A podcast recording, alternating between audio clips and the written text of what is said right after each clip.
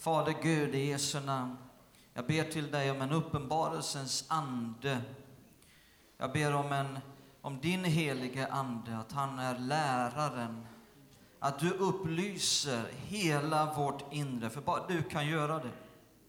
Gud, jag ber att det inte ska bli en massa mänskliga fakta och teorier som bara hopar sig i vårt huvud, utan att det ska få bli dina ord, ande och liv, som eh, fyller hela vårt inre så att vi kan se klart, så att vi kan förstå klart. Åh Gud, så att vi kan se evangeliet, de goda nyheterna.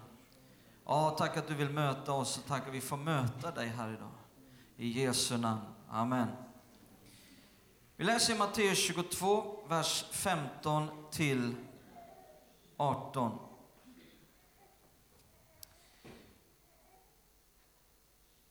Uh, och, uh, ja, ska vi se, vers... Uh. Då gick fariseerna och överlade om hur de skulle kunna fälla honom för något som han sa. De sände till honom sina lärjungar tillsammans med herodianerna som skulle säga Mästare, vi vet att du är ärlig och ger en rätt undervisning om Guds väg och inte tar parti för någon utan behandlar alla lika. Säg oss nu, vad anser du? Är det tillåtet att betala skatt till kejsaren eller är det inte tillåtet? Jesus märkte deras ondska och frågade, varför försöker ni snärja mig, ni hycklare? Fariseerna, de ville ställa en fråga.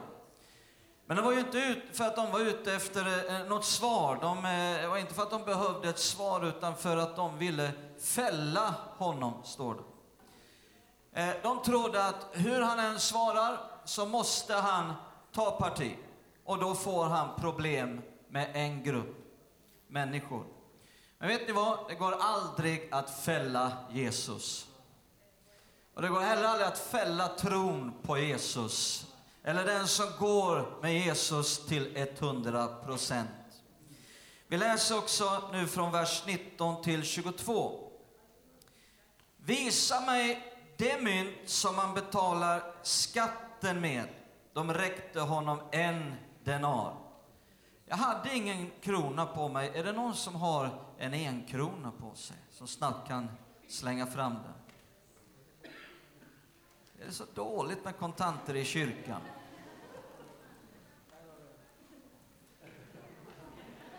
Åh, oh, ja, ja, ja, ja, ja, visst, vi tar upp en insamling här nu. Det är jättetrevligt, tack så mycket. Här har jag redan sju kronor. Eh, räcker ju nästan till en hamburgare på McDonalds. Ja, ni ska få tillbaka, jag bara skojar med er, sitt inte och se så orolig ut. Man räckte honom en denar. Eh, och så står det visa, vidare. Eh, och han frågade dem, vems bild och inskrift är detta? De svarade kejsarens. Då sa han till dem, ge då kejsaren det som tillhör kejsaren. Och lyssna nu, Gud det som tillhör Gud. Här kommer temat på min predikan, det som tillhör Gud. Vad var det som gjorde att man kunde veta att myntet tillhörde kejsaren enligt Jesus? Jo, myntet hade skapats av kejsaren. Eh, man kunde se hans avbild på myntet eh, och därför tillhörde myntet kejsaren. Eh, på samma sätt skapades människan till Guds avbild. Därför kan man i varje människa på jorden se Guds avbild. Gud skapade människan och därför tillhör människan Gud. Eh, man kan se Gud i varje människa på jorden. Och det var det Jesus gjorde hela tiden. Det spelade ingen roll vilken människa det var. Så älskade han människan därför att han såg Gud. I den prostituerade, i tjuven, i den trasiga människan. Han såg Gud. Och därför respekterade han varje människa, och var intresserad på ett genuint sätt att höra, lyssna in varje människa. Ehm, men det jag vill visa här idag är att vi behöver ge till Gud det som tillhör honom. Och när vi gör det så vill jag också visa på en annan sak, att då får vi komma in i den vila som Gud har berett för människan sedan begynnelsen. Min första punkt är därför vägen in i Guds vilja. Nej, inte vilja, vila. Titta i psalm 50. Jag ska läsa i Saltaren kapitel 50. Psalm 50 och vers 12 så står det Om jag hungrade skulle jag inte säga det till dig, ty hela jorden är min med allt den rymmer. Jag säger Gud, hela jorden är min med allt den rymmer. I begynnelsen skapade Gud jorden. Jorden tillhör Gud. Människan tillhörde Gud.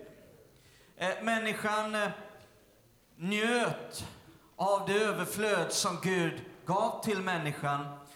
Eh, människan upplevde också en konstant vila. Behövde inte jobba, behövde inte slita. Eh, Gud hade också gett rådandeskapet och väldet över hela jorden åt människan. Men i syndafallet så sålde människan sig själv till slav under djävulen, visar Bibeln. Uh, det här rådande skapet och väldet, det övergick till djävulen. Bibeln säger hela världen är i den ondes våld. Bibeln kallar till och med djävulen för den här tidsålderns Gud. Gud hade gett rådandeskapet till människan, väldet till människan, men bara för en tid under en viss tidsålder. Och därför kallar nu Bibeln djävulen för denna tidsålders Gud. Eh, och, och vi behöver bara titta ut i världen så ser vi att det är inte Gud som råder. Det är en väldig missuppfattning när människor beundrar varför låter Gud det ske, att det ska ske? Varför låter Gud det där hända? Ja, det är inte han som råder. Utan det finns en tidsålder. Men min vän, Bibeln talar om att den här tidsåldern går mot sitt slut och det kommer en dag och den kommer snart när det ska visa sig väldigt klart att i grund och botten så tillhör jorden Gud. Um, människan, vad hände med människan? Jo, människan blev utkastad ur Edens lustgård. Gud satte också en ängel, står det, för att bevaka vägen till livets träd. Varför gjorde Gud det? Var han purken? Tänkte han, jaha, har ni ätit av kunskapens träd, då ska ni minsann inte få äta av livets träd heller. Nej, det var för att Gud på en gång hade en frälsningens plan.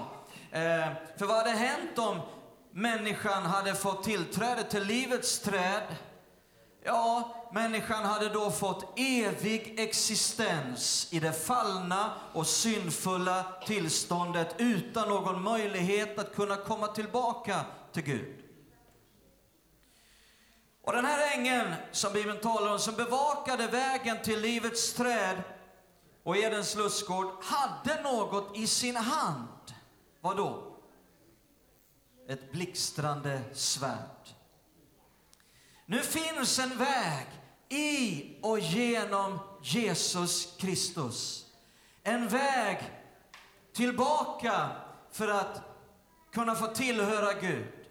En väg tillbaka in i det överflödande livet med Gud, in i vilan med Gud, tillsammans med Gud. Men det här svärdet, det finns fortfarande kvar. Och man måste passera det här svärdet. Och nu ska vi läsa lite grann om det, vilan hos Gud och vad det här svärdet representerar. Titta i Hebreerbrevet kapitel 4.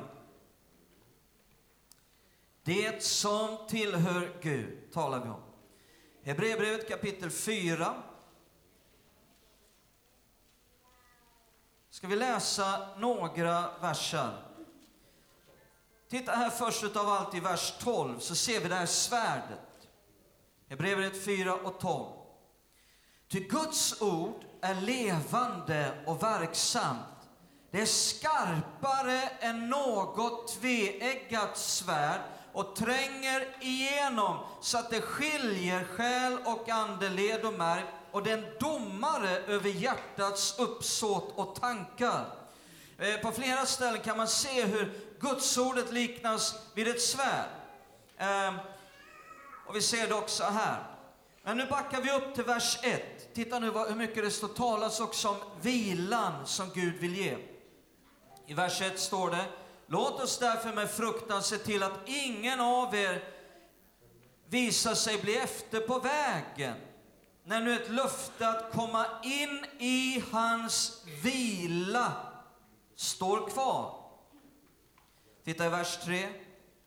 Det är vi som tror som går in i vilan. Herren säger, då svor jag i min vrede, de skall komma in i min vila och det fastän hans verk stod färdiga sedan världens grund blev lagd. Titta i vers 6.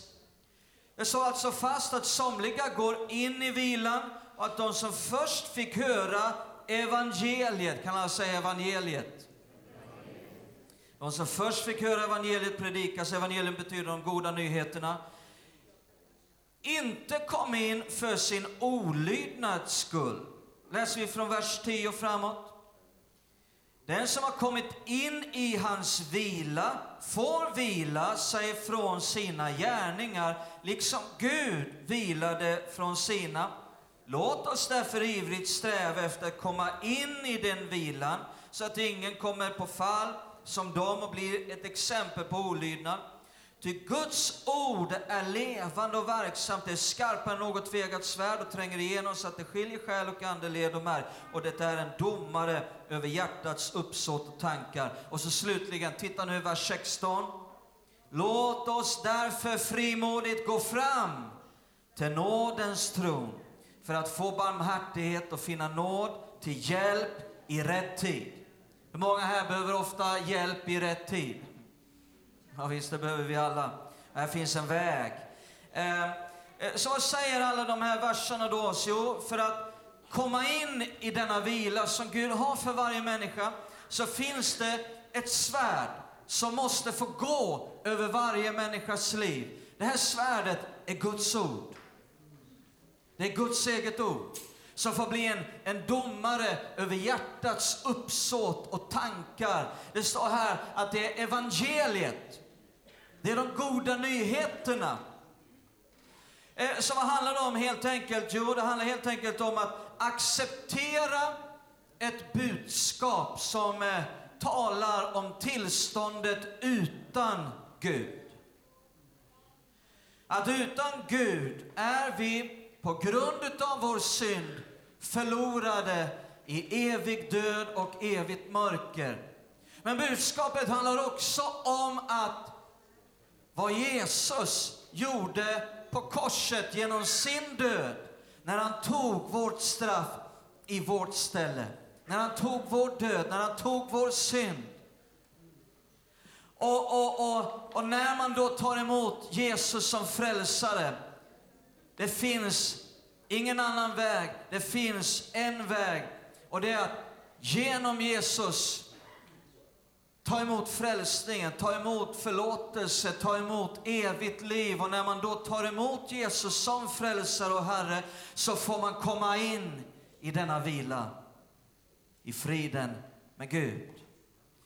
Uh, detta är budskapet, detta är svärdet som behöver komma och gå över en människas liv. Det blir också en, en domare över hjärtats uppsåt och tankar. Och då blir det någonting annat. Då kan man få göra som det står här i vers 16. Frimodigt gå fram till nådens tron för att finna nåd till hjälp i rätt tid. Är du glad för det? Det finns en väg in i Guds vila. Här kommer nu min andra punkt. Du tillhör Gud. Vi talar om det som tillhör Gud. Du tillhör Gud. Då blir det någonting annat. Och då ser man inte bara Guds avbild i dig, utan då finns också en, en inskrift över ditt liv. Jesus han frågade inte bara vems avbild är detta? Han frågade också vems inskrift är detta? Och på myntet som Jesus höll upp så stod det Tiberius Caesar, den gudomliga Augustus son. Och när du blir frälst så finns en inskrift över ditt liv där det står barn till den ende sanne Gud. Människan sålde sig själv till slav under djävulen. Men Gud har köpt människan tillbaka genom Jesu blod. Du tillhör honom. Titta här vad det står i Första Korinthierbrevet kapitel 6. Första Korinthierbrevet kapitel 6.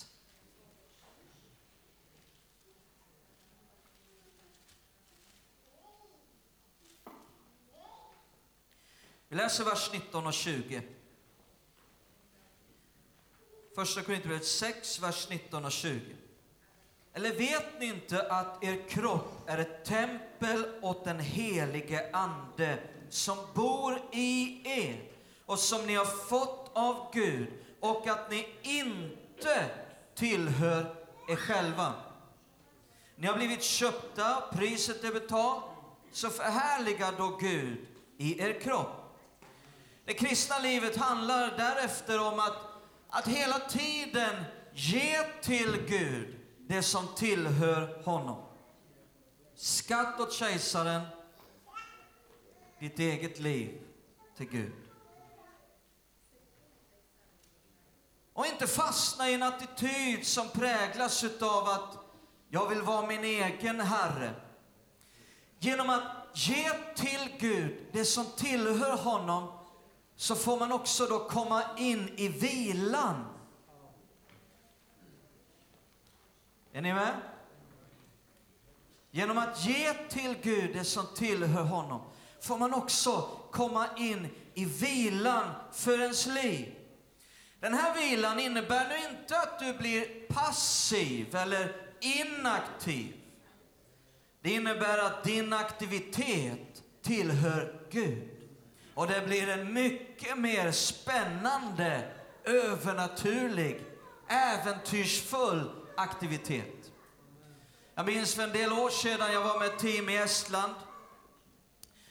Och vi hade varit där en hel vecka och farit runt. Och, och sen på lördagen eh, så kom vi tillbaka från något håll och, och då upplevde jag hur, hur Herren talade till mig och sa att imorgon så vill jag att du åker till en, en plats som heter Tamsalu. Där finns en nystartad församling. Jag vill att du predikar där. Men grejen var att det var planerat att jag skulle predika i den stora kyrkan i den centralkyrkan. Uh, och jag tänkte jag får, jag får gå till pastorn och prata med honom och det han säger det gör jag. Och liksom, uh, jag underordnar mig honom och om han tycker att det här är ingen bra idé så, så är det ingen bra idé. Men så jag, jag gick till honom och sa, liksom, jag gör vad du säger och vill du att jag ska predika enligt planerna här imorgon så gör jag det och det är inga problem. Men jag upplever så här att, att, att Gud talar till mig att jag ska åka till den här platsen som heter Tamsalu. Eh, jag vet att ni har en nystartad liten församling där. Och jag visste ingenting om vad som pågick där eller hade ingen information och visste bara just detta att de hade startat en församling där. Och han sa till mig, det där måste vara helt rätt. Så där gör vi. Du kan vara lugn. Jag tar hand om mötet här hemma och, och så kan du åka dit. Och, eh, och så blev det. Och han sa, jag kommer inte att berätta någonting för dig, eh, utan nu får Gud verka. Och nästa dag, då hade de bara ringt upp dit och sagt att Sven kommer. Och så åkte jag dit med tre stycken andra, tre, fyra andra i en bil och kom vi dit. Och ett möte ska börja klockan sex på kvällen. Och den här kvinnliga evangelisten och pastorn som hade fått ansvaret där, hon ställde sig upp klockan sex och det kanske var 60, 70 pers där, någonting sånt. Eh, och så säger hon, eh, kan jag få be någon att ta hand om de här söta små underbara liven? Alltså grejen är när barn är så söta att de tar all uppmärksamhet från mig som inte är så söt.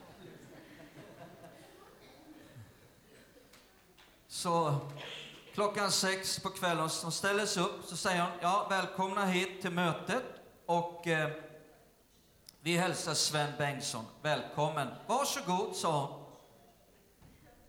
Jag tänkte, men vänta nu, ska vi inte ha lite musik?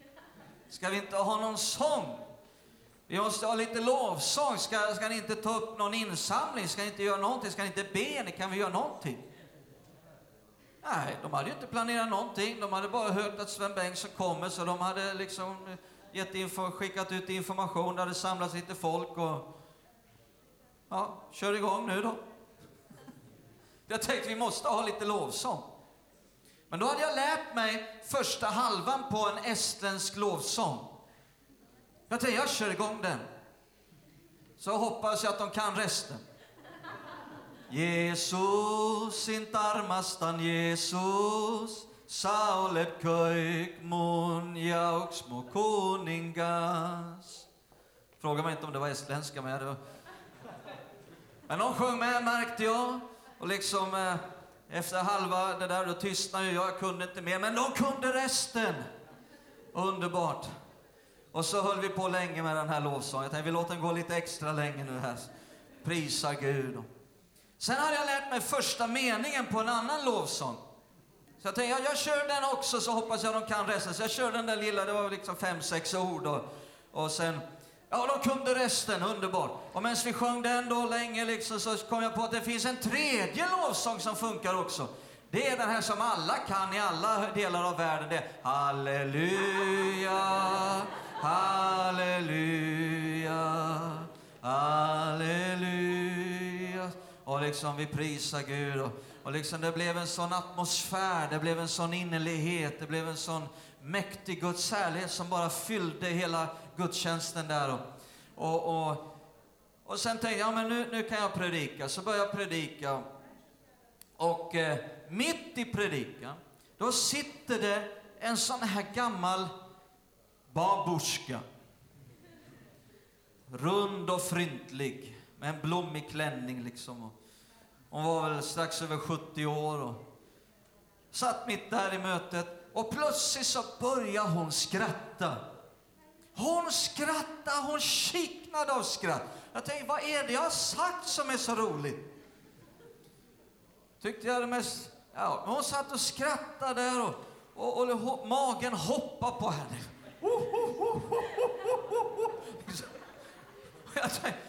Något underbart är det liksom. Gud välsigne henne liksom. Hon får skratta hur mycket hon vill. Jag fortsatte att predika. Och, och sen eh, när jag hade predikat färdigt så började vi be för människor som ville få förbön. Och plötsligt så kom han och hämtade mig och sa, du måste följa med ner här. Och, och så fick jag träffa den här gamla tanten. Och där står hon. Hon vinglar runt som hon är berusad. Hon får skratta fortfarande.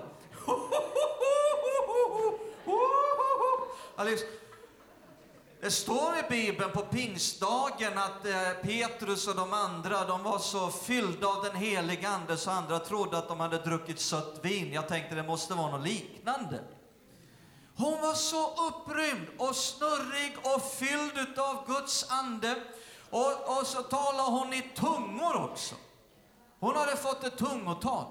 Då visade det sig att den här tanten, hon började berätta för mig, hon hade med sina yngre släktingar som hade tagit med henne. De berättade för mig, hon hade aldrig satt sin fot i en kyrka tidigare i sitt liv. Hon var inte kristen när hon kom in där. Men mitt i predikan så blir hon frälst, hon blir döpt i den heliga Ande, hon börjar tala i tungor. och blir så full av den helige Ande så hon kan knappt stå på benen. Och sen börjar hon visa mig sina händer. Och, och släktingarna sa, hon hade svår ledgångsreumatism. Hennes händer var förvärkta innan hon kom hit och förvridna. Men titta nu, det fanns inte spår utav reumatism i hennes händer. Hon hade också fått bli helad. Tack Jesus.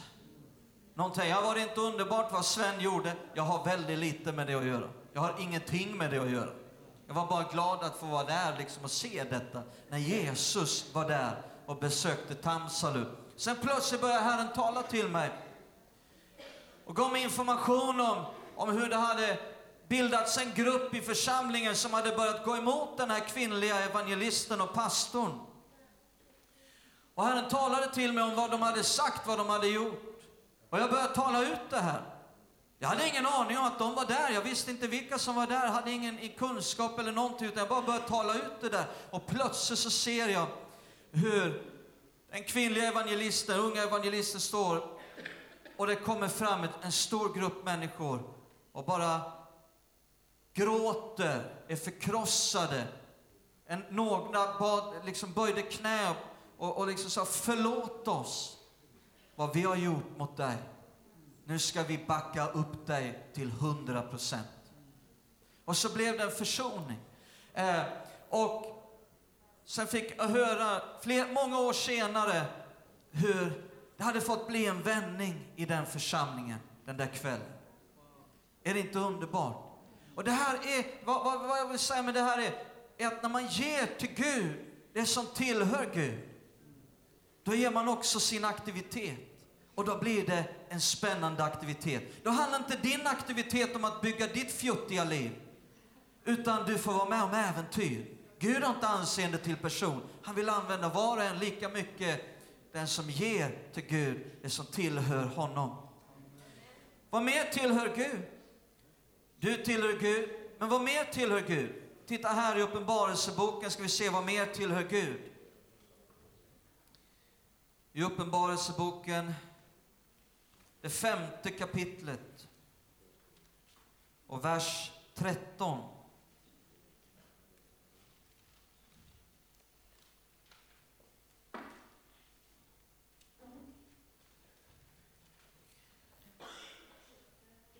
Då står det, allt skapat i himlen och på jorden och under jorden och på havet, ja, allt som finns i dem hörde jag säga, honom som sitter på tronen, honom och Lammet, Jesus,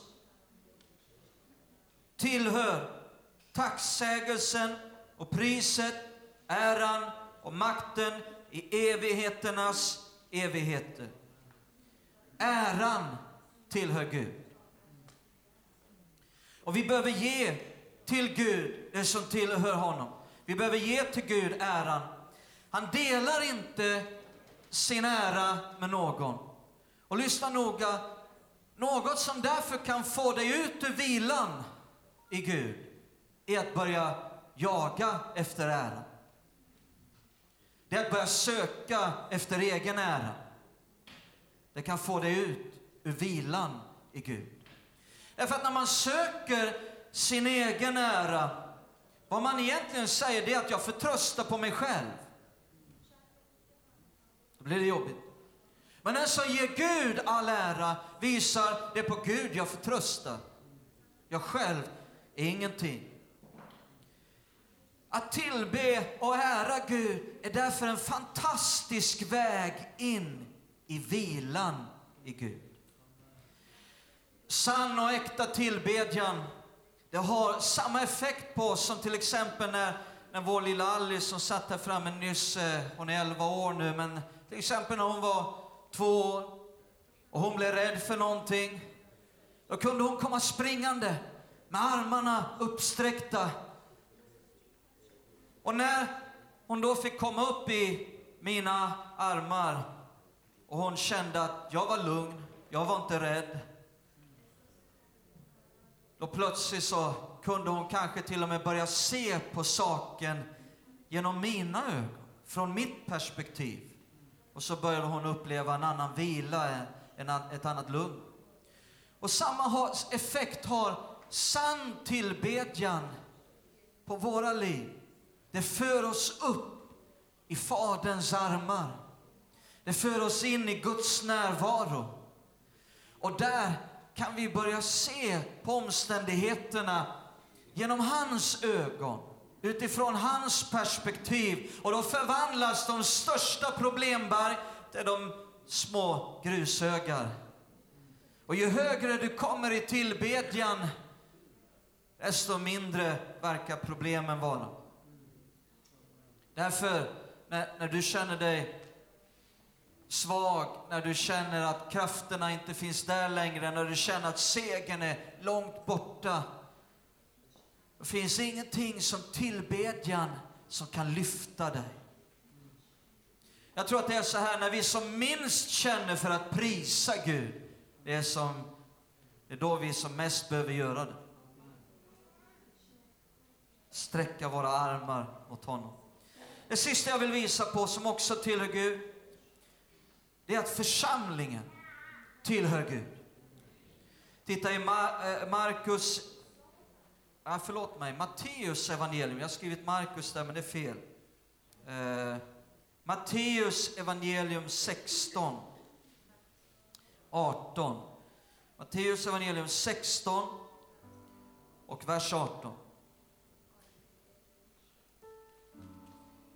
Matteus 16, 18. Jesus säger så här till Petrus. Jag säger dig, du är Petrus och på denna klippa ska jag bygga min församling. Vems är församlingen? Guds. Till Jesus. Och helvetets portar ska inte få makt över den. Jesus sa, jag ska bygga min församling. Istället för ordet församling används ibland ordet kyrka. Ordet kyrka, det tillkom 200-300 år efter Jesus. Eh, ordet kyrka finns egentligen inte i Bibeln. Eh, det, är ett grekiskt, det kommer av det grekiska ordet kyrikos. Och det här grekiska ordet som har blivit kyrka, kyrikos, det betyder egentligen, eller det betyder det som tillhör Gud. Det som tillhör Gud. Och det användes för själva byggnaden som man möttes i och, och man vill också betona vem man tillhörde. Och precis som Bibeln talade om, vi läste det här förut, din kropp, om du har blivit frälst, så är det som ett tempel åt Guds ande. Så är också församlingen ett tempel för Guds ande, där Guds ande tar sin boning. Och därför måste vi hela tiden påminna oss om att denna församling tillhör inte oss, den tillhör Gud. Jag som pastor måste hela tiden överlämna församlingen till Gud. Konstant. Inte till människor. Nej, det är inte till människor vi överlämnar församlingen. Det är till Gud. För det är Gud som den tillhör. Jag kan inte som pastor bli herre över den. Men inte heller någon annan människa eller någon mänsklig organisation kan bli herre över den. Hela tiden måste vi vandra med en oerhörd respekt inför att allt detta tillhör Gud. Vi måste ge till Gud det som tillhör honom. Och det är också då detta leder in i vilan. Hela tiden, det är det vi talar om. Hur att ge till Gud det som tillhör honom för dig in i vilan. När du ger dig själv till Gud får du komma in i vilan. När du ger ära till Gud därför att äran tillhör honom, då får du komma in i vilan. Och när vi ger församlingen till Gud därför att den tillhör honom på ett sant och äkta sätt, så föd oss in i en vila och bekymren försvinner. är inte det underbart? Det var någon pastor jag träffade, han sa, vem sa att det skulle vara lätt? Jag sa Jesus.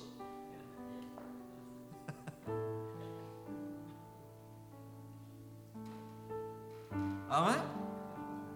Eller sa han inte det? Jo, han sa, alla ni som är betyngda och nedtyngda av bördor, kom till mig, så skall ni finna vad då? Vila. Det blir en väldig vila när man ger till Gud det som tillhör honom. Då försvinner bekymren. Uh, om detta inte är verkligt för mig och för oss att detta är hans församling, utan det är min eller vår, ja då kommer bekymren. Men när det blir verkligt för vårt hjärta att det faktiskt är hans församling, då blir det också lättare att överlämna bekymren till honom. Kasta bekymren på honom. Då kan man sova gott om nätterna. Jag brukar säga att det är ingen mening att jag är vaken, för Bibeln säger att Gud sover inte, han slumrar inte, så det är ingen mening att vi båda är vakna. Halleluja. Ge till Gud det som tillhör honom.